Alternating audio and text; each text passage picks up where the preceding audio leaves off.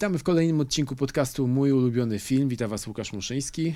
I Maciej Musiałowski. Dzień dobry. Szczególny gość, tradycyjnie, bo tylko tacy są w tym podcaście. E, a dzisiaj będziemy rozmawiać o guście filmowym e, Macieja Musiałowskiego.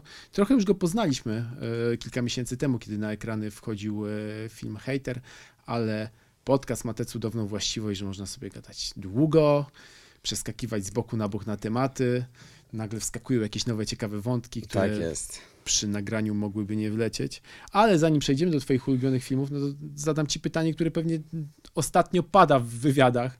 To znaczy o Twoją egzystencję w trakcie pandemii, bo tak jak wspomniałem, e, widzieliśmy się ostatnio w lutym, tak. a Wasz film Sala Samobójców Hater wszedł no, praktycznie tuż przed tym, kiedy koronawirus tak naprawdę zawładnął naszym życiem. Więc co u Ciebie?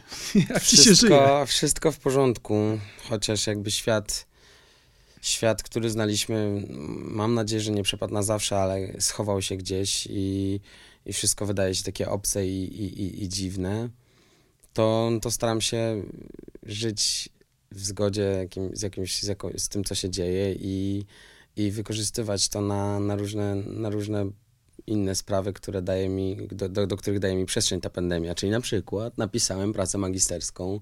Brawo! Dawno nie, jakby od dawna już miałem to zrobić i teraz miałem ostatni termin i, i zrobiłem to. Obroniłem się na sześć, dałem radę, e, więc y, jakoś wszystko, cała ta pandemia ukierunkowała mnie, no oprócz tam prac, które przerwała i, i jakichś y, projektów filmowych, to, to, to ukierunkowała mnie w taką stronę autoanalizy, jakiegoś e, takiej światowej analizy, jakby nagle mam, mam wrażenie, że większość ludzi, w tym ja, e, została wybita z jakiegoś rytmu i, i przez to miała możliwość zobaczenia, co się dzieje ze światem, co się dzieje z naszą planetą, jakby co się dzieje z społeczeństwami, z ludzkością.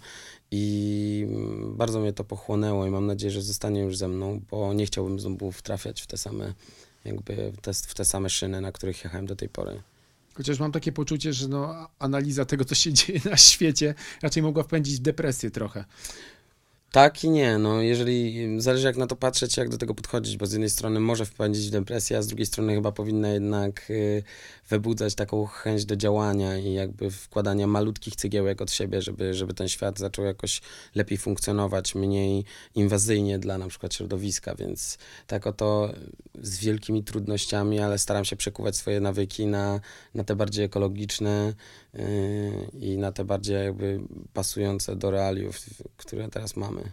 Segregujesz śmieci? Staram się tak, mam wszystkie te, yy, te śmietniki na, u siebie w kamienicy, więc staram się tak, staram się nie jeść mięsa, chociaż to jest dla mnie naj, najtrudniejsze jakby yy, odejście, bo przy takim eksploatowaniu yy, energii emocji, siły, jakie do jakiego ja przywykłem, to mm, nawet te zamienniki, które rzekomo tak bardzo tak wypełniają, nie są dla mnie jak mięso, jak, ale na przykład staram się, jeżeli już jeść mięso, to pójść do, sklep, do sklepu. Do, jest takie miejsce na Seskiej Kępie, mm, w którym mięso, jakby steki są z wolnego wybiegu, te, te, te krówki miały fajne życie, zakończone śmiercią, no ale i tak jakoś lepsze, bardziej to mi się wydaje humanitarne, co nie zmienia faktu, że docelowo chciałbym jakoś nauczyć się nie jeść mięsa.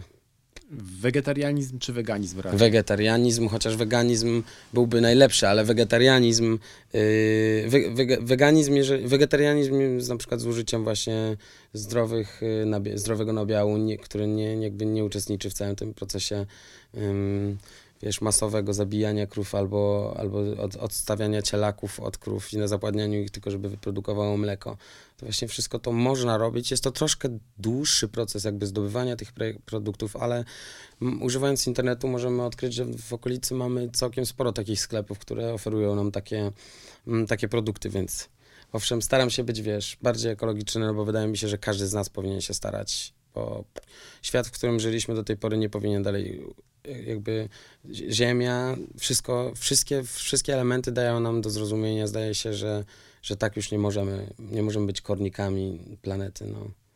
A jaki był temat twojej pracy magisterskiej? Wszyscy o to pytają, kurde, niepotrzebnie w ogóle wspominam o niej. E, temat był, zdaje się, 24 strony, tak nazwałem swoją pracę. I... Bardzo ogólnie, czy mógłbyś w takim razie... Mm, opisałem tam swoje podejście do, do zawodu, do, do sztuki, jaką, jakim, jaką jest aktorstwo filmowe i teatralne. Y, opisywałem tam swoje doświadczenia, swoje spostrzeżenia.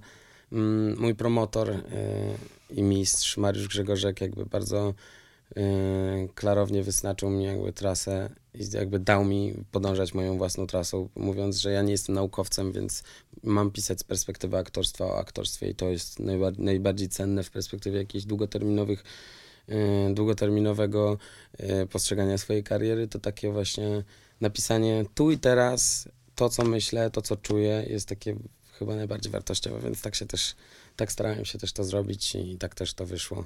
No to super ciekawy temat. Mam wrażenie, że w tej chwili moglibyśmy w ogóle odłożyć ulubione filmy na bok i rozmawiać o sztuce aktorstwa, ale myślę, że o tym też będziemy trochę rozmawiać. Filmy, które podesłała e, mi twoja agentka, wszystkie trzy te tytuły łączy jedna rzecz. Można się na nich porządnie wzruszyć. Och, no tak, to są filmy jednak ja bardzo lubię to, to uczucie takiego oczyszczenia, takiego katarzis podczas oglądania filmu. Yy, czy to jest takie katarzis wzruszone na ckliwe wzruszenie, czy to jest takie takie wybicie z rytmu albo takie z, yy, poruszenie wręcz negatywne, to bardzo lubię, kiedy film mocno, albo sztuka teatralna, generalnie sztuka, nawet obrazy, muzyka, kiedy wpływa na mnie i powoduje jakieś takie Y, rozedrganie i przewartościowanie, albo zwrócenie uwagi na coś, co, co, co mi umyka w życiu, więc bardzo lubię, kiedy sztuka działa na mnie taki, w taki sposób y, fizyczny wręcz. Fizyczny wręcz, tak.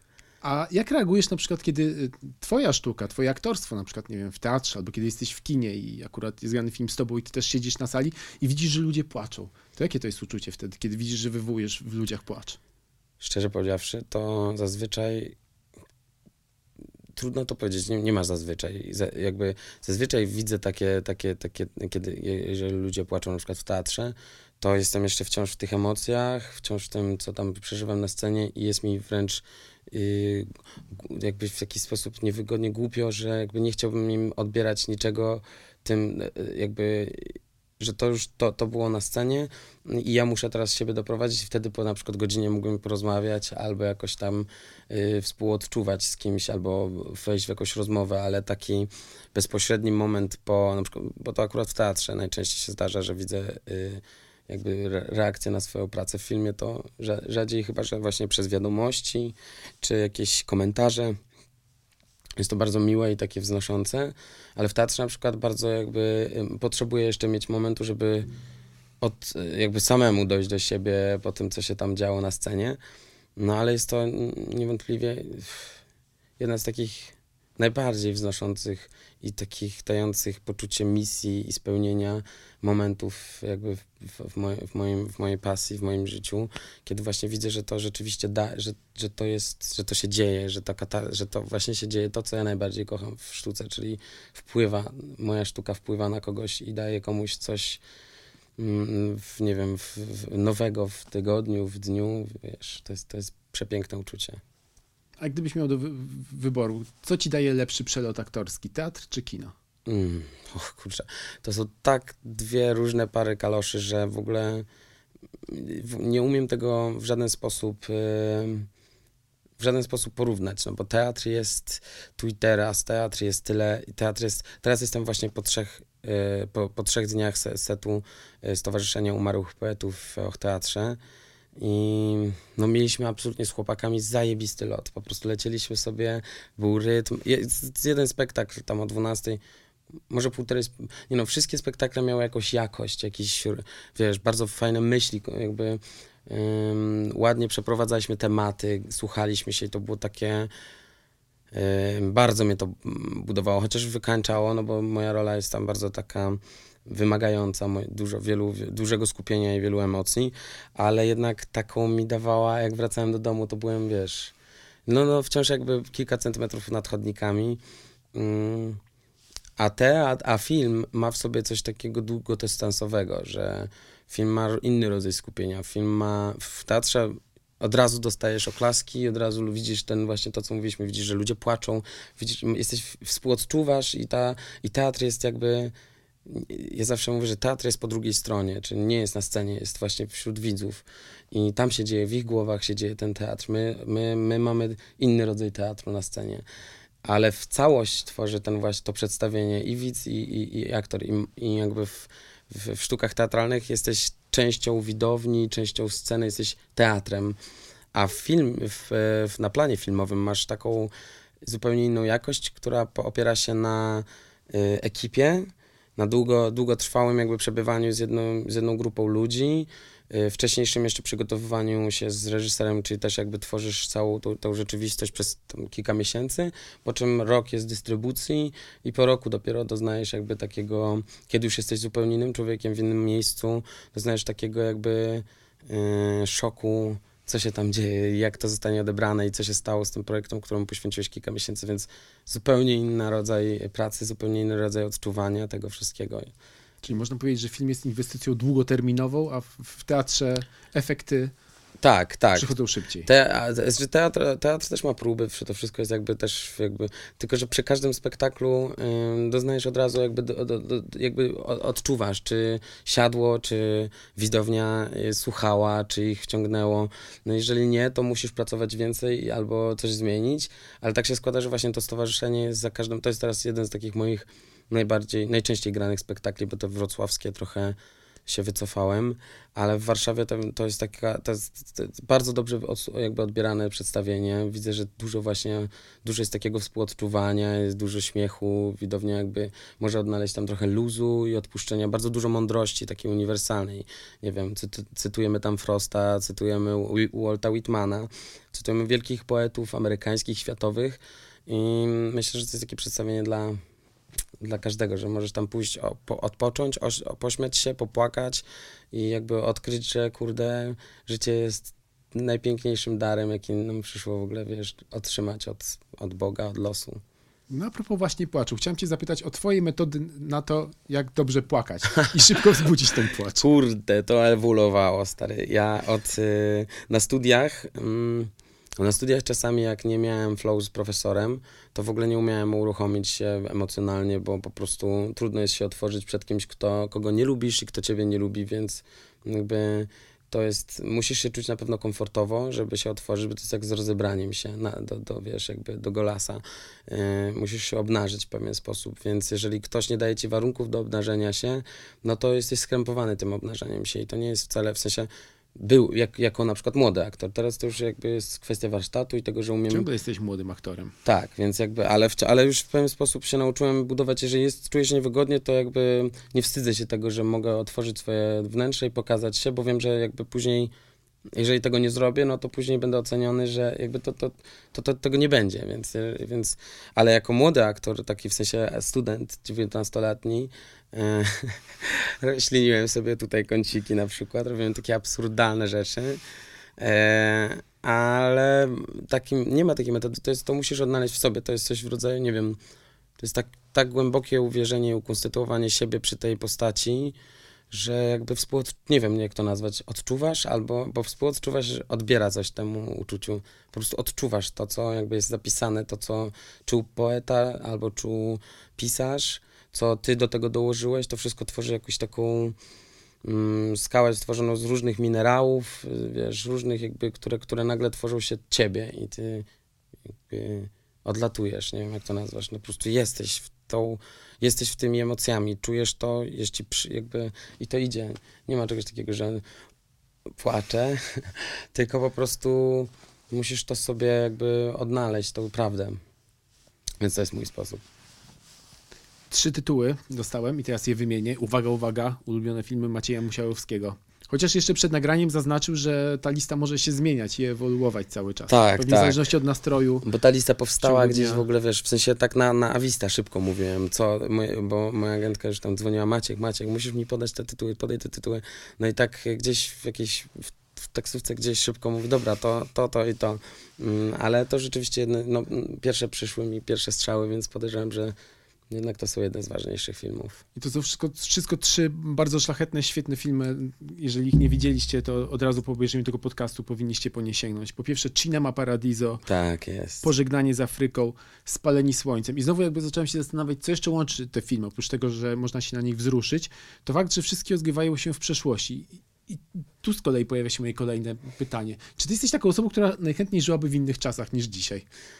Czasem mam takie Trudno wrażenie. powiedzieć, bo z jednej strony najchętniej odpowiedziałbym tak, jestem taką osobą, ale jed- jednak doceniam to, jak cudowne mamy czasy, jak wiele możliwości nam dają, jak łatwy jest y, przepływ informacji między, jakby międzynarodowy, jak jesteśmy coraz bardziej zgrani, tacy jako global, globalna jedność, a nie kraje powyznaczane czerwonymi liniami, więc to, to, tego nie umiałbym, z tego nie umiałbym zrezygnować mówiąc tak, ale z drugiej strony jakoś olbrzymia część mojej duszy tak bardzo tęskni za światem, który przepadł, za tym, za tym bezinternetowym, e, intelektualnym, e, jakby tą krainą, gdzie, gdzie były takie piękne, no wszystko, no owszem, no tęsknię i bardzo chciałbym jakby, e, żeby, żeby nie odchodził ten świat, ale niestety razem z moimi wiekowymi przyjaciółmi w, przez całe moje życie ten świat odchodzi.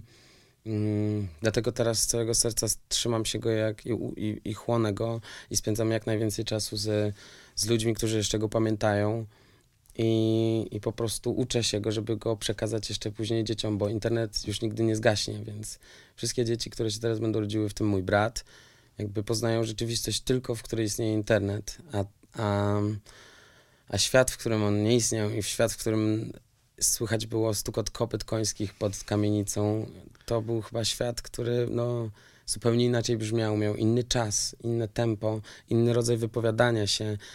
No jakby miał tyle poziomów, że szkoda jest jakby burzyć te poziomy. Oczywiście my teraz je dobudujemy i budujemy inne budowle, inne poziomy, w dół, w górę, ale jednak ten stary, piękny budynek, który już, który, do którego rzadko kto wchodzi, jakby powinien być odrestaurowywany i powinien mieć dalej bywalców i ja jestem takim bywalcem. No.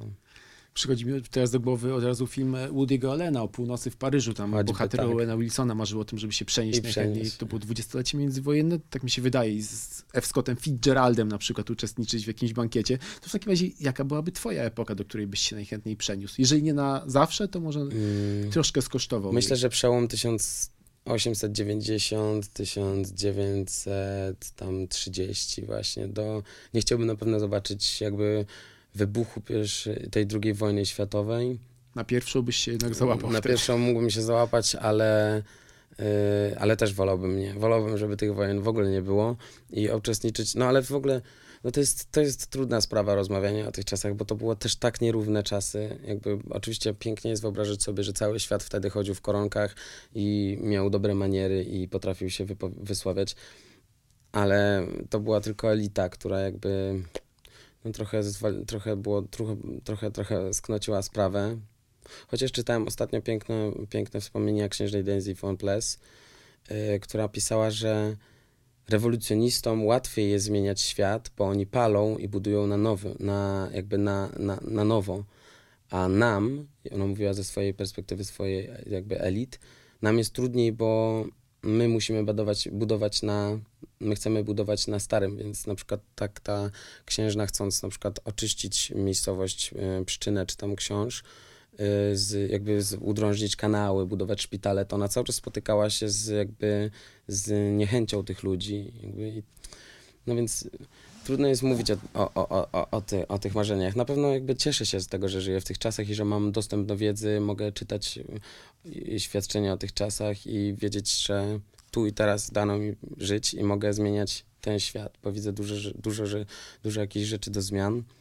Mm, Jeżeli mogę małymi krokami jakoś ten świat trochę ulepszać według mojego, mojej opinii, to będę to robił. No. A ty masz w sobie iskierkę rewolucjonisty? O tak, no jak najbardziej. Jestem takim społeczniakiem yy, i też takim właśnie. Yy, zawsze jak widzę, znaczy to jest, zdaje mi się, że to jest taka dziwaczna polska mentalność, że my nie chcemy poprawiać. W sensie, my, jak już jest, to już jest.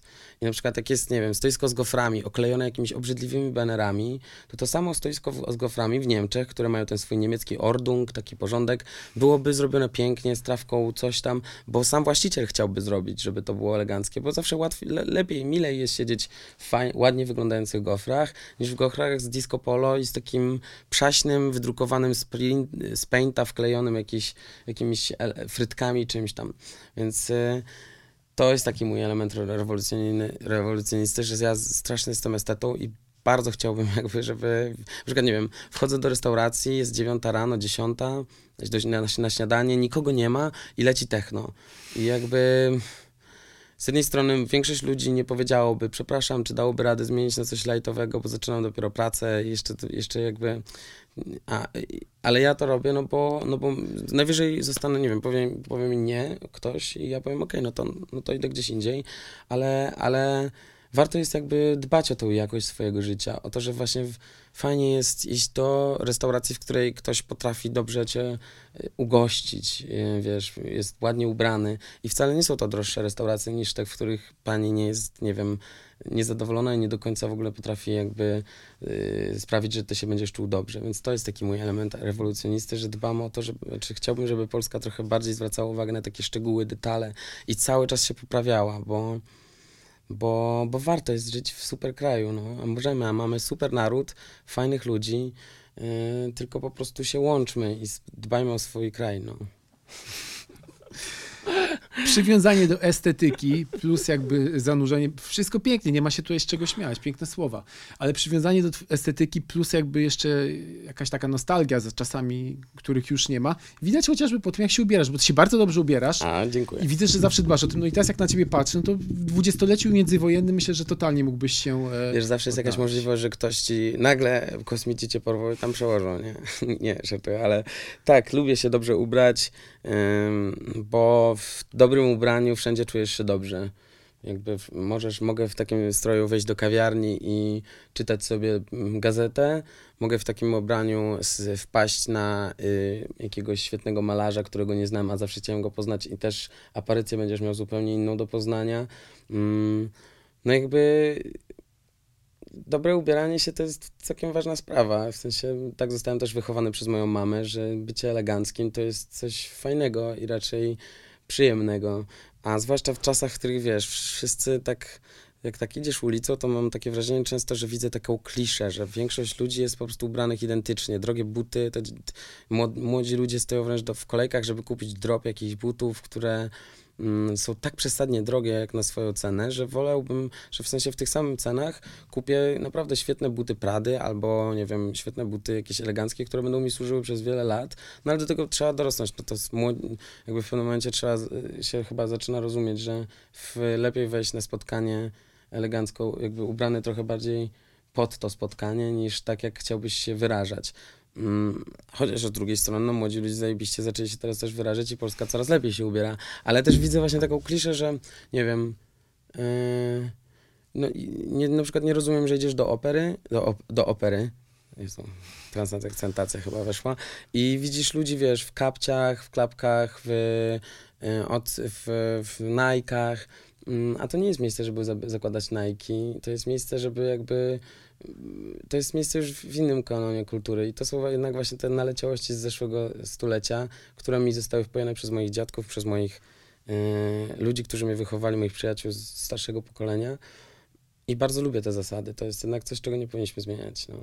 W takim razie jak kompletujesz swoją szafę? Bo to jest dla mnie na przykład super ciekawy temat, a nie zawsze jest on poruszany. Jak kompletujemy swoją szafę Maciej Musiałowski? E, Tak, grasujesz czasem po second handach, czy raczej wybierasz e, Nie, to zależy od. y, Moje szafy tak naprawdę powstają przez moje podróże, bo ja często podróżuję sam i często podróżuję w miejscach, które bardzo jakby dają mi spokój. Teraz wróciłem z zamku książ, gdzie zatrzymałem się na tam prawie dwa tygodnie. Jeździłem konno, czytałem książki mm, i poznawałem tamtejszą e, jakby strefę intelektualną, kulturową.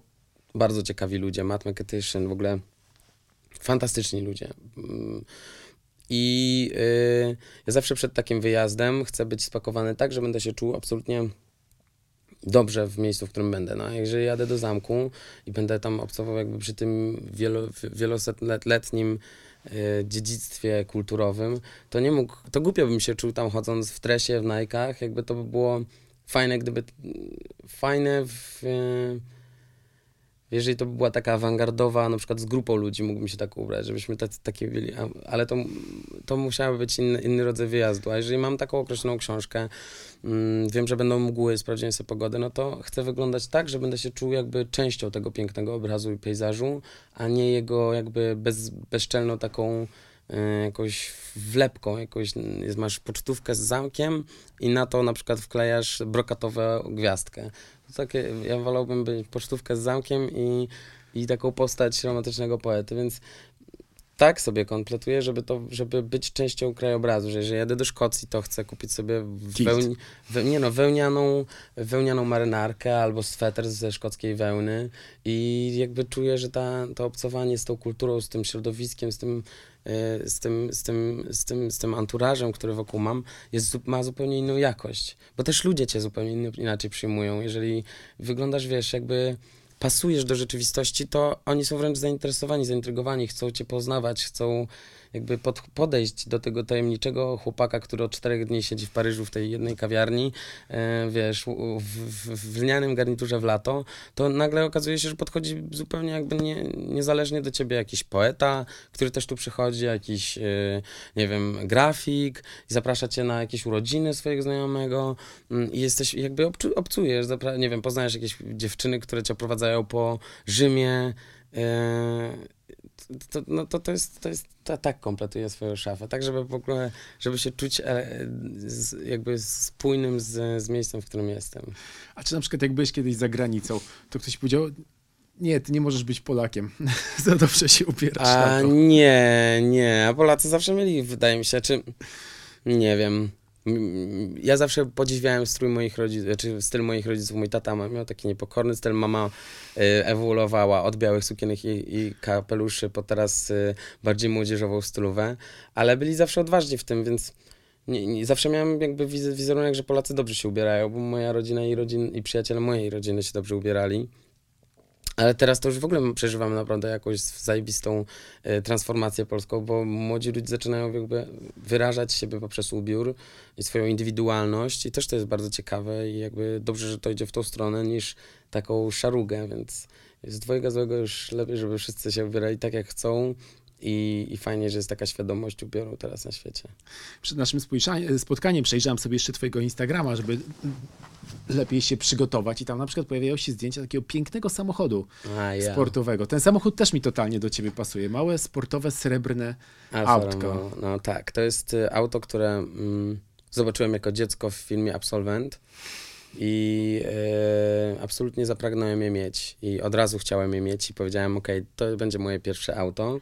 Pamiętam reakcję moich braci, że się zaśmiali ze mnie, E, No ale jak widać mam teraz moje małe srebrne autko i zarabiałem na nie, odkładałem sobie na nie.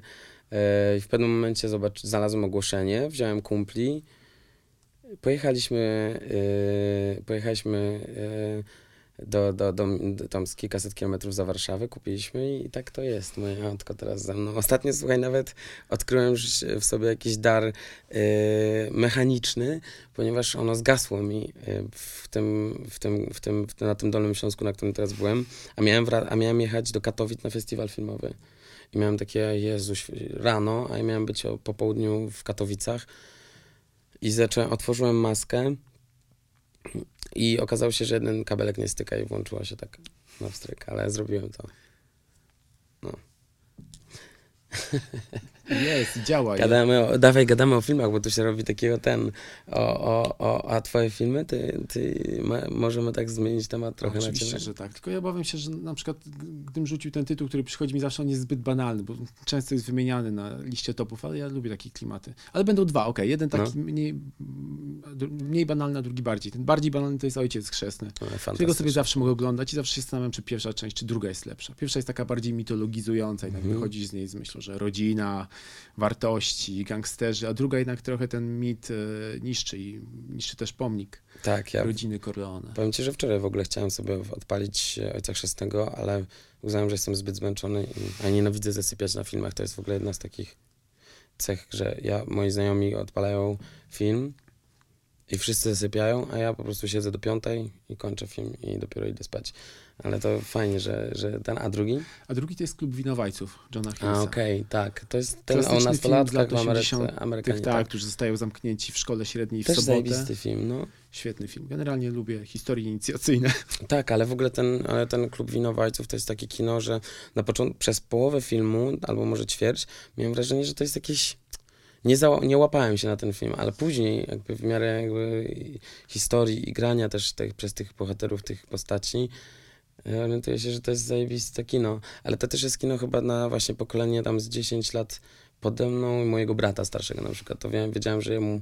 Ja się załapałem jeszcze, ale zdaje mi się, że nie wiem, może, może jakieś, może gadam głupoty, ale miałem przez, przez jakiś czas oglądania tego filmu poczucie, że coś nie, nie trybi we mnie, nie łapie, nie łapie się, nie łapie, a później zajebiście poszło, więc świetny film też. Ale myślisz w takim razie, że szkolna menażeria zmieniła się jednak aż tak bardzo i typy, które reprezentują główni bohaterowie, czyli dajmy na to e, freak, królowa balu, e, sportowiec, to już nie obowiązuje? Bo Nie, ja jestem od ciebie obowiązuje. jakieś, poczekaj, ty masz 26? Sześć. Mam 33, no to 7 lat różnicy to No. nie jest aż tak dużo, ale może jednak się zmieniło. Znaczy, dla nas, wiesz, wy- wydaje mi się, że skończyła się taka epoka na roczniku 9-4.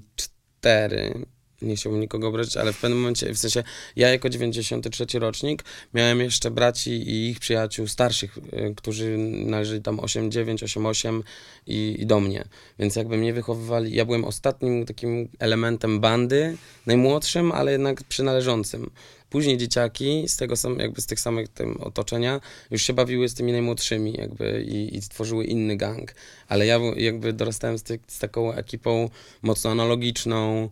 Mm, Nie wiem, nie, zwróć uwagę, że te, te roczniki 8, 8, 8, 9, 9, 0 to są takie roczniki zupełnie inne od naszego. W sensie oni są, oni potrafią pracować, oni potrafią bardzo inter, inaczej intelektualnie podchodzą do życia w inny, w taki sposób jeszcze właśnie bardziej tamten sprzed, sprzed 2000, a później już się to wszystko takie robi, że teraz filmy Królowa Balu to są takie naiwne historie, które też zdarza mi się oglądać, ale takie dużo niżej jakby, dużo, dużo niżej lotne, takie bardziej populistyczne, takie filmy, wiesz, no nie wiem, Kissing, tak, ca, całuśna budka, czy coś takiego. Tak, nowy To- hit Netflixa. No właśnie, no choćby to, no to to jest, wiesz, to, to, to, to po, mógłbyś postawić te filmy, że dzieją się w tych samych miejscach, że też szkoła, no ale tamten film, mimo że opowiadał o nastolatkach, opowiadał z jakąś głębią, o właśnie inicjacji, o, o jakby dorastaniu, o, dysku, o, o w ogóle o, o Szukaniu siebie. szukaniu siebie,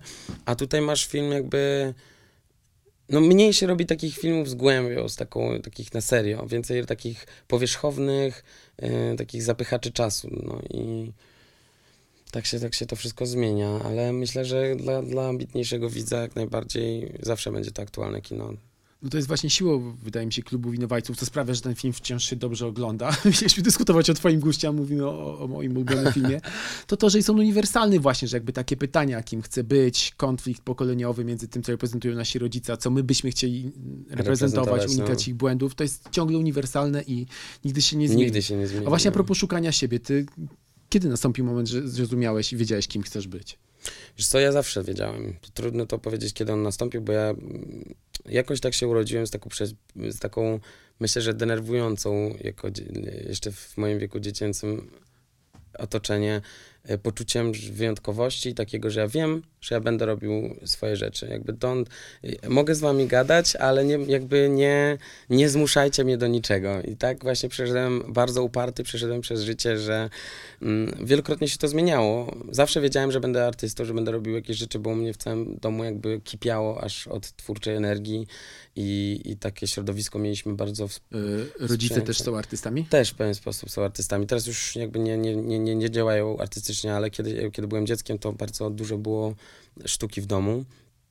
I od, tak od dzieciaka pisałem jakieś książki, dużo chodziłem, nie wiem, po lesie i fantazjowałem, bardzo dużo śpiewałem, bardzo dużo jakby, no tak, taki nie umiałem przestać sobie fantazjować.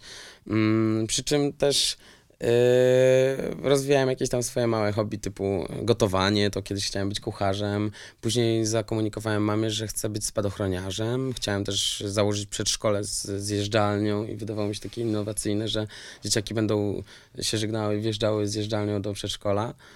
Mm, Ale jednak zawsze tam gdzieś w tle wiedziałem, że będę się zajmował głównie muzyką, później się pojawiło aktorstwo. Mm, No i, i, i ale taka, takie ukonstytuowanie mnie jako takiego niezależnego absolutnie bytu, że już nie przeszkadzało mi, że, że jednak nie należę do tego, bo jeszcze tam do 13-14 roku życia miałem wrażenie, że to jest jakieś piętno, że ja cały czas nie należę do grup i że trudno mi się jakoś e, w systemie mm, żyje. Może nie w grupach, ale w systemie, że system edukacji mnie mielił, ja nie potrafiłem się w nim zmieścić. Jakoś, kurde, wszyscy mamy robić to samo, wszyscy mamy być ogólnowykształceni, a mnie w ogóle nie interesuje chemia, fizyka, więc jakby starałem, jakby cały czas miałem takie poczucie, że ch chciałem przynależeć, chciałem być w tym systemie, ale coś mnie cały czas z niego wybijało, wypychało i, i tak przeżywałem taki dysonans, a później w wieku lat jakoś 14 może nagle wszystko odeszło i zacząłem współpracować z systemem, nie będąc z nim, czyli mówiłem panią profesorom, panią nauczycielkom, że ja nigdy nie będę chemikiem, nigdy nie będę fizykiem, nic nie pamiętam z tych wszystkich lat, których już mnie pani uczy, więc i pani widzi to,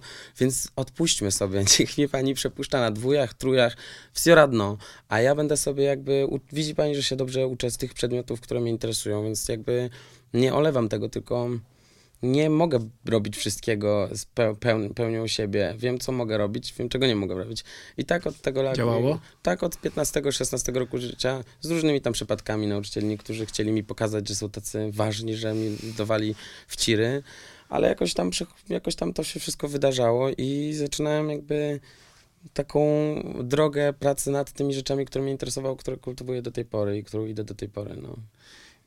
I tutaj przechodzimy do mojego kolejnego pytania, ponieważ e, kilka miesięcy temu, właśnie przy okazji premiery jeszcze hejtera, e, kiedy gościł u nas Jan Komasa, to on powiedział, że kiedy szukał od twórcy głównej roli do filmu, to natrafił do ciebie i e, zaintrygowałeś go w ten sposób, że polaryzowałeś otoczenie wokół siebie. Połowa ludzi cię uwielbiała, a druga połowa nie znosiła.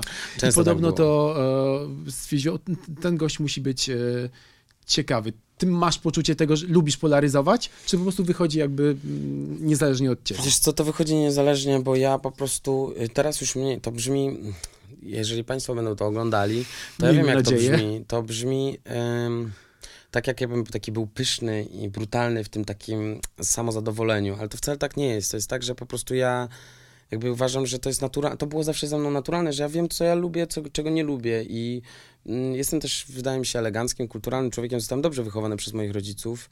W sensie mm, nie mam złych manier, nie, nie jestem niemiły i staram się być jakoś, wiesz, sz- z szacunkiem podchodzić do każdego człowieka, ale ludzi generalnie chyba denerwuje takie, takie to, że ja nie przynależę do, jakby, że ja sam sobie dyktuję systemy i, i jakby sam sobie dyktuję drogę, że nie, mm, że nie, nie podążam cały czas drogą, którą mi ktoś wyznacza, tylko sam sobie wyznaczam drogę i zapraszam, jakby jestem taki jestem szczęśliwy ze swojego życia. Może tak po prostu wkurwia, bo jestem sobie To jest bardzo szczęśliwy. prawdopodobne. Wiesz, i, e, i, i, i lubi, wiem, co lubię. Lubię sobie spędzać dobrze czas. Lubię przepięknych, miłych ludzi, którzy też kochają swoje życie.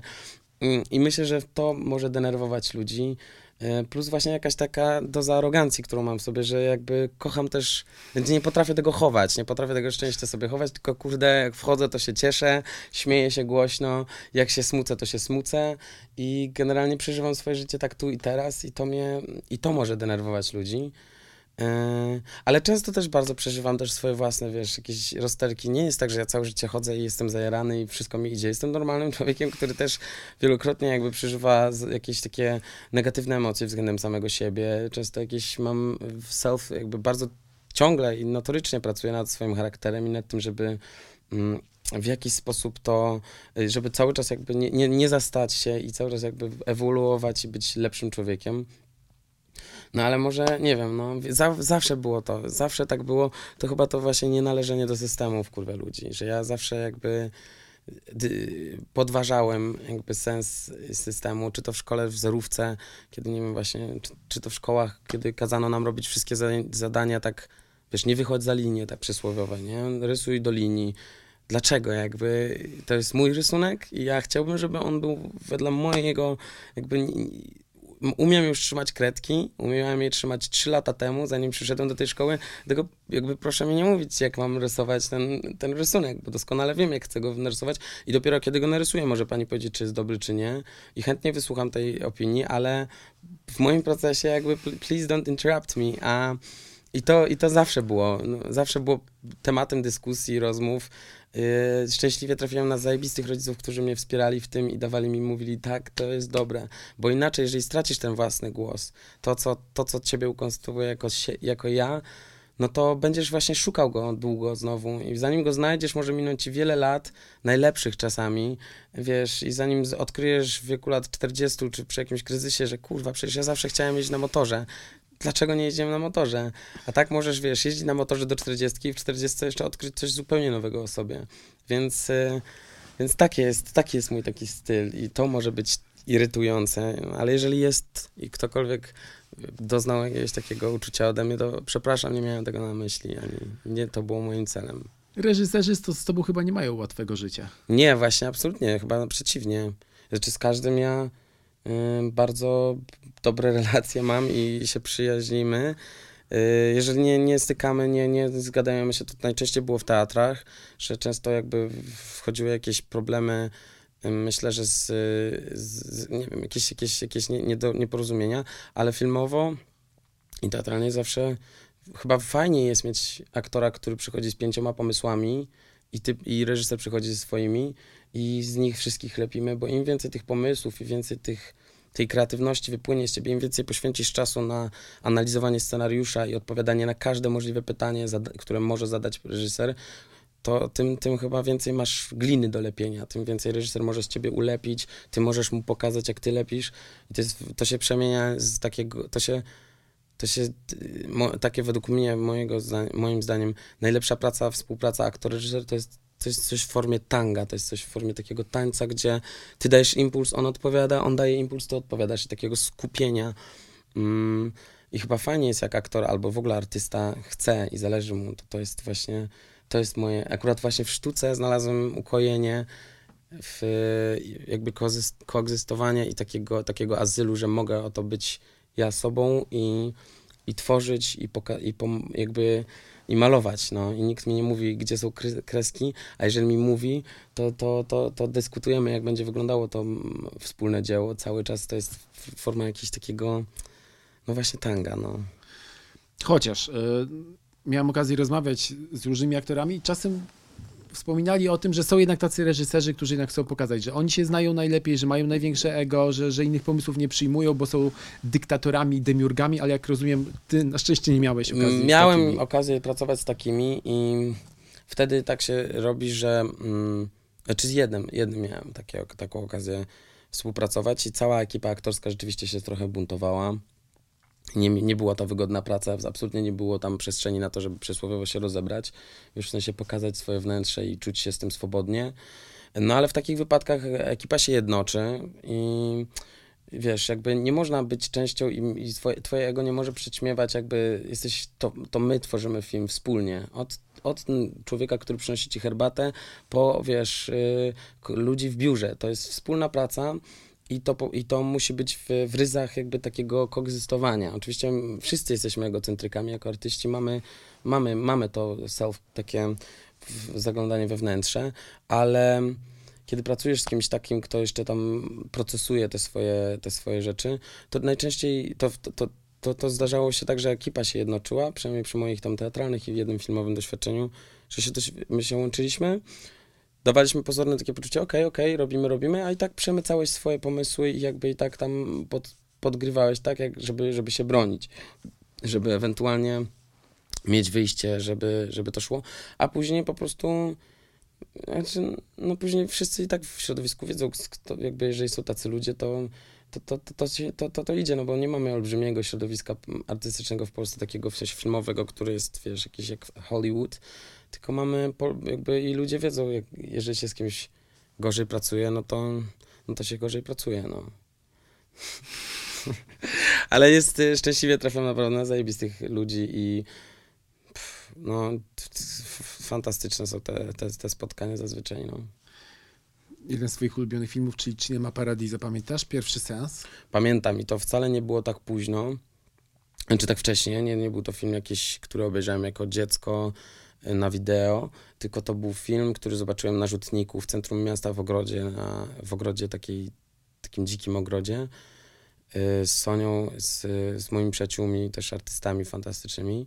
I to jest ulubiony film Soni Szostak, y, takiej znanej dosyć fotograf, znanej fotografki światowej, y, z którą studiowałem w szkole filmowej i Sonia jak usłyszała, że nie oglądałem Cinema Paradiso, to to oszalała i nie. A nie, to mylę w ogóle z innym filmem. To w tym ogrodzie oglądaliśmy Tajemniczy Ogród, Tajemniczy ogród. a, w, a my, a Cinema Paradiso oglądaliśmy u Soni w domu z Marcelem Balińskim, pianistą i Marianną Zydek, moją koleżanką aktorką, we czwórkę z Sonką oglądaliśmy i piliśmy wino i tak nas poniosło. Jezu, co za, co za, co za kino, to jest tak romantyczny film. Serdecznie polecam, naprawdę piękny film. Dużo miałeś w swoim życiu takich osób, jak na przykład główny bohater miał kinooperatora Alfredo, którzy zawsze właśnie w niego wierzyli. Wspomniałeś już o rodzicach, którzy popychali go, dopingowali do tego, żeby realizował swoje marzenia Mhm. i podążał własną ścieżką. Wiesz co, tak, najczęściej właśnie ci ludzie, okazywali się, ty- tymi ludźmi okazywali się właśnie starsi ludzie, którzy już przeżyli to życie, albo jego znaczną część i dostrzegali jakby, wiedzieli co jest ważne i właśnie oni mnie uczyli tego przekonania, że ważne jest właśnie to, żebyś nie zgubił siebie w tym życiu, bo bardzo łatwo jest zabie- zabiegać się, przebiec swoje własne życie, jakby, jakby minąć siebie i pójść dalej i w ogóle zapomnieć, że ten, to, to, to ten chłopiec, który tam siedzi na ławce, to ty i tak będziesz musiał do niego wrócić. Więc y, to oni wybudzali jakieś takie poczucie, że taki, właśnie taką zgodę na to i, i właśnie oni to uwielbiali, uwielbiali słuchać moich pomysłów wariackich, moich jakby fantazji.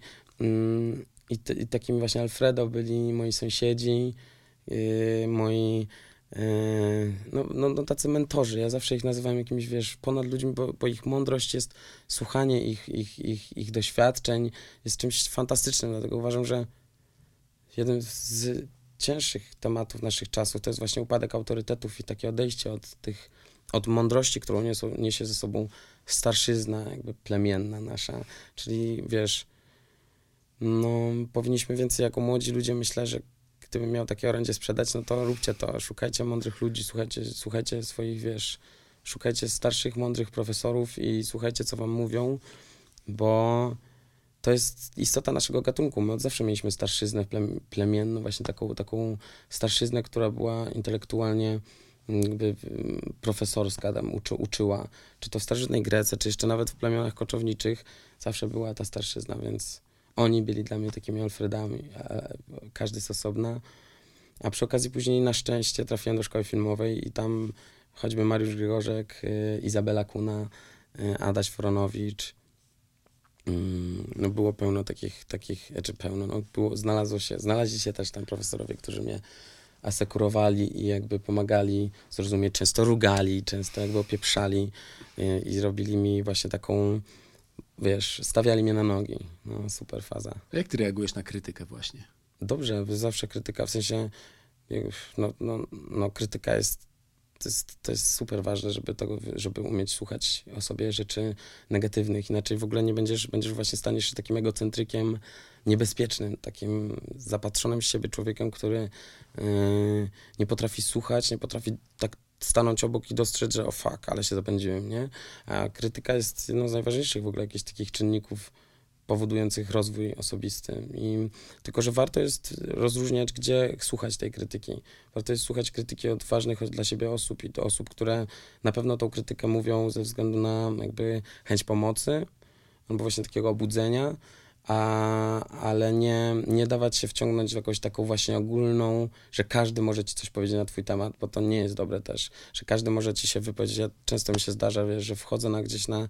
Dlatego nie jestem taką publiczną za bardzo osobą, bo bardzo mnie to przytłaczało, jak byłem, jak zaczynałem 20, tam z 6-5 lat temu i pojawiałem się na bankietach, to każdy do mnie podchodził i mi mówił jakąś mądrość o mnie, a ja miałem takie, kurwa, kim jest ten człowiek i w ogóle skąd on tyle o mnie wie, nigdy z nim nie rozmawiałem, a wszyscy, wiesz, tak mi wtykali, jakby dziubali mnie w czoło, nie? I tak mi mówili, wiem, że najczęściej z jakiegoś czystego serca, nawet dobrych intencji, ale jakby miałem takie poczucie, właśnie rodziło się we mnie takie, nie, nie, nie, stop, pan w ogóle, jeżeli chcesz coś, jeżeli chcesz rozmawiać rzeczywiście o mnie na tym fajnym wieczorze, gdzie jemy wśród zajebistych ludzi, jeżeli rzeczywiście chcesz, no, to odejdźmy, usiądźmy sobie przy stoliku i zapytaj mnie i pogadaj, ja ciebie zapytam, pogadamy, a często się zdarzało właśnie takie, że taka krytyka, ty jesteś taki, ty jesteś taki, ty jesteś taki. I miałem takie, w pewnym momencie to odciąłem i powiedziałem, nie, nie jestem żaden, nie jestem tym, kim sobie wyobrażasz, że jesteś, bo widziałeś mnie w filmie, czy słyszałeś ze mną coś. Jestem zupełnie inną osobą. Mm, I ta krytyka najważniejsza jest właśnie od tych takich mądrych ludzi dla mnie, to od profesorów, od y, właśnie starszych ludzi, sąsiadów moich, których, którym, z którymi się zwierzam, od moich rodziców, braci, przyjaciół. To jest krytyka, która stawia mnie na nogi, która jakby powoduje we mnie proces myślowy, okay, I need to deal with that shit. A, a takie codzienne, wiesz, jakby wytykanie, to to tylko może cię osłabić i tylko sprawić takie unsecure, że czujesz się taki, uff, nie wiem, coś jakby taki niepewny w sobie, sam sobie. Więc warto, waż, najważ, zajebiście ważna jest krytyka, ale od tych ludzi, których masz w sercu i którzy mają takie bezpośredniej jakby autostradę tam do tego serca, nie? Na studiach też byłeś taką osobą, która gdzieś tam szła swoją ścieżką, bo z tego, co wyczytałem w jednym z wywiadów, Elmen bodajże, miałeś indywidualny Tok tryb. nauczenia. Tak, dokładnie tak. Tak, to, to od trzeciego roku, bo tam też to nie, w tym, nie w tej rozmowie wypowiem się na temat tego, jak, jak była moja edukacja w tym cudownym miejscu, jaką jest szkoła filmowa, ale Wydział Aktorski dał mi kilka razy y, tematy na anegdoty na całe moje życie, których jeszcze wciąż zachowuję dla siebie ale w pewnym momencie jakby y, już, już czułem, że nie, nie jest to miejsce, w którym jakby chcę być jakby w takim, w takim warunku, a i tak idealnie się zdarzyło, że wtedy wygrałem PPA, dostałem etat w teatrze i można było, była taka możliwość, bo już wielu, wielu jakby, bo, bo kilka osób przede mną już też tak y, kończyło szkołę i dostałem indywidualny tok nauczania, tym samym pracuję, możliwość pracowania właśnie w teatrze we Wrocławiu, w serialu w Warszawie. Studiowałem w Łodzi, więc przez dwa lata Pendolino było moim, moją sypialnią i, i miałem trochę więcej pracy, ale uczyłem się, wiesz, jakiś, w jakimś takim zawrotnym tempie. Miałem dostęp do tylu wspaniałych, mądrych ludzi, od producentów w Warszawie, od Doroty Kośmieckiej-Gackę, do dyrektora e, Konrada Imieli w Teatrze Wrocławiu i z każdymi jakby miałem, wiesz, po prostu w moim mniemaniu grono profesorów poszerzyło mi się trochę i do, przyszło kilku nowych, nie? Więc tak, tak kończyłem indywidualnym tokiem nauczania, później przyjechałem na dyplomy i te dyplomy też fantastyczny czas dla mnie, chyba najlepszy w ogóle w szkole, bo objeżdżaliśmy mm, w szeregi festiwali na całym świecie, dostawałem nagrody za, za tą pracę, więc jakby miałem poczucie, ok, idę jakąś dobrą ścieżką, mam mądrych ludzi. Mariusz Grzegorzek był moim y, reżyserem dyplomowym naszego dyplomu Diabeł Który. No i tak właśnie szło, no. Fajnie, fajnie, fantastycznie. Dobrze, dzięki Bogu mi się zdarzyło ten indywidualny tak nauczanie, naprawdę.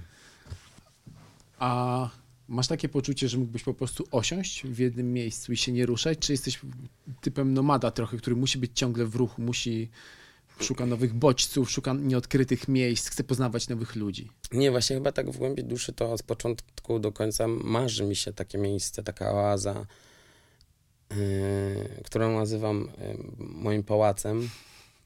Yy, I rzeczywiście kiedyś w przyszłości chciałbym mieć taki pałac, czy to będzie dom, który będzie, będę nazywał pałacem, czy to będzie rzeczywiście pałac. I widzę takie obrazy tam właśnie, jak wstawanie o 6 rano do koni, jak kiedyś, jak byłem dzieckiem i nastolatkiem, jak miałem swoje konie, to wstawanie przed szkołą do, do koni i ten rytuał jakby ten rytuał jakby rozpoczęcia dnia razem z tymi pierwszymi rżeniami ze stajni. Widzę jakby taras, na którym bez żadnego jakby odcięty od myśli jakichkolwiek czytam książki, mogę ich czytać więcej niż teraz. Więc jak najbardziej marzę o tym, o tym właśnie miejscu, w którym mam swoje obrazy, w którym mam przyjaciół, który, wiesz, widzę takie obrazy, na przykład jak wstaję rano, to jest jedno z moich marzeń, które sobie wymyśliłem i nagle idę do kuchni w tym pałacu i nagle patrzę, tam siedzi jakiś mój przyjaciel, mówię, ej, co ty tu robisz? A mówi, siedzę tu dwa tygodnie i to jest moje marzenie, żeby tak wyglądał ten dom. Tak jak właśnie mój dom rodzinny, czyli ciągle pełny ludzi, ciągle pełny jakby sztuki, ale przy okazji taki totalnie odcięty, bezinternetowy, taka oaza, samowystarczalny, dużo warzyw, zwierząt, to, to jest moje marzenie. Ja cię widzę w takim świecie rodem z kina Lukino Viscontiego, tylko minus może ta dekadencja. tak, tak, coś, coś, to jest dobry kierunek. Generalnie białe, wiklina, białe, białe ubrania, piękni, przyjemni, kochani ludzie, dużo zieleni, to, to jest moje marzenie, no. Ale a propos ulubionych filmów, zdziwiłem się, że na liście nie było Titanica. Kiedy ostatni Titanic raz u nas byłeś, Jak najbardziej. Jak wspominałeś, najbardziej. że to jest jedna z twoich filmowych miłości. Tak, Rose Domingue Bucatel i Jack Dawson to są w ogóle bohaterowie mm, numero uno. Miałem Titanica na kasecie wideo i mój chrzestny wujek y, Darek miał na takiej kasecie jeszcze do, te, do samochodu taki y, soundtrack z Titanica. No uwielbiałem ten film, absolutnie jestem jego y, olbrzymim fanem. Ale jest tych filmów tyle mi się pojawia teraz w głowie, no choćby Spaleni Słońcem to jest w ogóle też taka, taka Yy, taka, taki film, takie dzieło, które, do którego wracam chyba jed- jedno z najczęściej, których wracam. I w ogóle teraz całe, całe kino rosyjskie odkrywam od, w tym roku pandemicznym. Yy, docierałem przez moją taką znajomą Rosjankę do kina, którego w ogóle nie ma nawet na Filmwebie, nie? Że takie kino w ogóle, tam jest, ZSRR produkowało tyle pięknych, fantastycznych filmów, że, że, że teraz ten rok można powiedzieć był takim rosyjskim.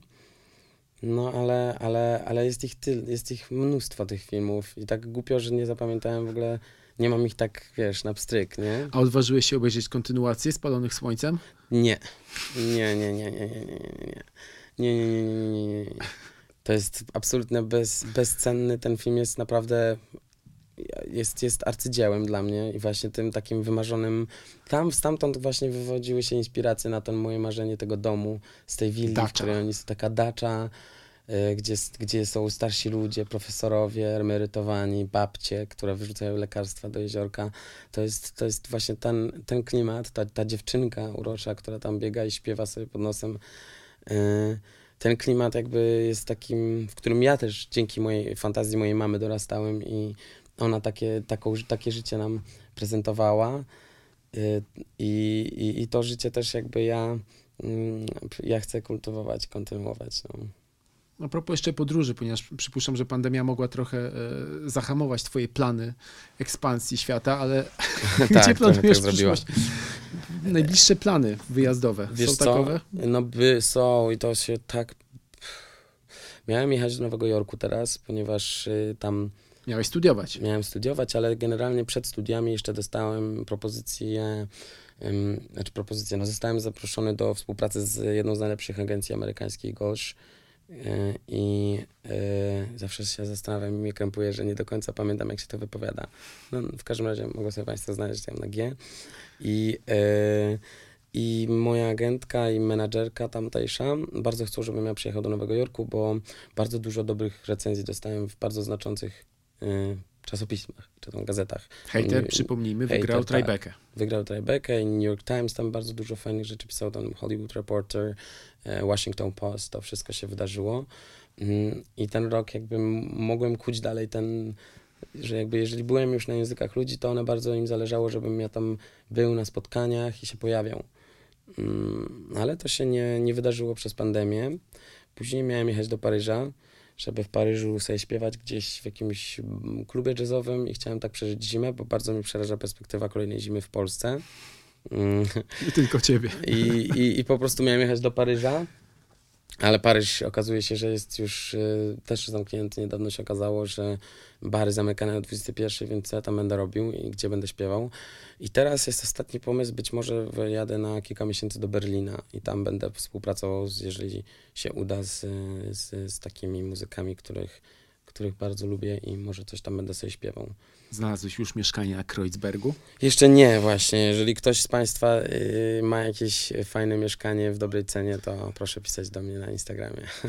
No właśnie, dobrze, że wspominasz o śpiewaniu, bo mnie dziwi, dlaczego ty jeszcze płyty nie wydałeś. No i to jest najgorsze, w ogóle jakiś wstyd, jakieś takie żenada, że się po prostu chyba boję. I boję się, że to nie będzie tak, jakbym sobie wymarzył, że wym- ja sobie marzę... Poza tym jestem tak rozchulany w tych fantazjach o tej muzyce, że od muzyki elektronicznej, gdzie tańczę i robię taką jakąś młodzieżową... Czasami się budzę jako młodzieżowy Maciej, który śpiewa sobie, wiesz, pop i, i świetnie się w tym czuję, a czasami w białym fraku widzę siebie i, i śpiewam te, i śpiewam poezję śpiewaną. Więc po prostu to jest coś takiego, że z aktorstwem było tak, że ja trafiłem do szkoły i później przeżyłem te 7, 6, 7 lat przygód których do, do, do dnia dzisiejszego i wszystko powodowało taki rozwój tego aktorstwa i ciągłą drogę. Muzyka była przed szkołą filmową i śpiewałem wtedy bardzo dużo po całym świecie i robiłem, śpiewałem na ulicy najwięcej, bardzo dużo w Sopocie, bardzo dużo w, jeździłem po od Paryża w Norwegię całą i, i, i śpiewałem na stricie. I byłem taki rozśpiewany i wiedziałem jakby, jak się robi muzykę i jak się to robi tak, tak, jak, tak jak kocham to robić. A później to cały świat aktorski jakby zjadł tą twórczość, którą też daje, jakby cały, cały czas tej, tej twórczości. No i teraz martwię się, że po prostu jak wrócę, to to będzie takie... Takie... Więc jeżeli to mam takie, bez, nie wiem, nie moje, no, nie, nie takie, jakbym chciał, więc czekam na moment i na poznanie chyba takiego kogoś, kto mnie weźmie za rękę, jakiegoś, wiesz, muzyka, Producenta producenta wykonawczego. wykonawczego, czy kogoś, kto, kto, kto, kto wie, jakby kto, kto mi da taką, taką podstawę edukacji tej muzycznej, żebym znowu zaczął jakby tworzyć to. Bo tak sobie na kolanie to ciągle piszę i ciągle te piosenki przybywa i melodii i wszystkiego, tylko że nie mam teamu. Nie mam tego, takiego jakiegoś poczucia, że jesteśmy wspólnie i ro, robimy wspólnie, bo samemu nic się nie, nie jakby samemu malarze najlepiej pracują. Oni mogą, jakby mój brat może siedzieć sobie w pracowni i, i pracować i co jakiś czas puścić sobie swoją narzeczoną, czy, czy kogoś, kto się zna na, na sztuce, na jego profesji i, i, i usłyszeć jakby jakąś tam krytykę, jeżeli chce. A w środowisku muzyczno-aktorskim to, to, to, to ty tworzysz z innymi artystami jest jakiś kolektyw ludzi, którzy tworzą sztukę razem. E, Oczywiście mają frontmenów, jakby, nie wiem, ważniejszy coś tam, ale, ale to jesteśmy, to, to twór, to jesteśmy, ca, wszyscy jesteśmy razem. I też i czekam na taki, na, taki, na taki sygnał. Myślę, że właśnie dlatego ten Berlin, bo ostatnio doznałem takiego absolutnego, oszał, oszałamiającego uczucia zachwytu nad jednym muzykiem. Jakim? Nie mogę powiedzieć, bo, się, bo jeszcze z nim nie rozmawiałem, a boję się, że to s- że spieprzę to. Mam, marzę, żeby z nim zrobić. Właśnie w, wtedy poczułem, że z nim mógłbym robić e, coś, co byłoby właśnie tak, tak, takie jak z moich snów. No.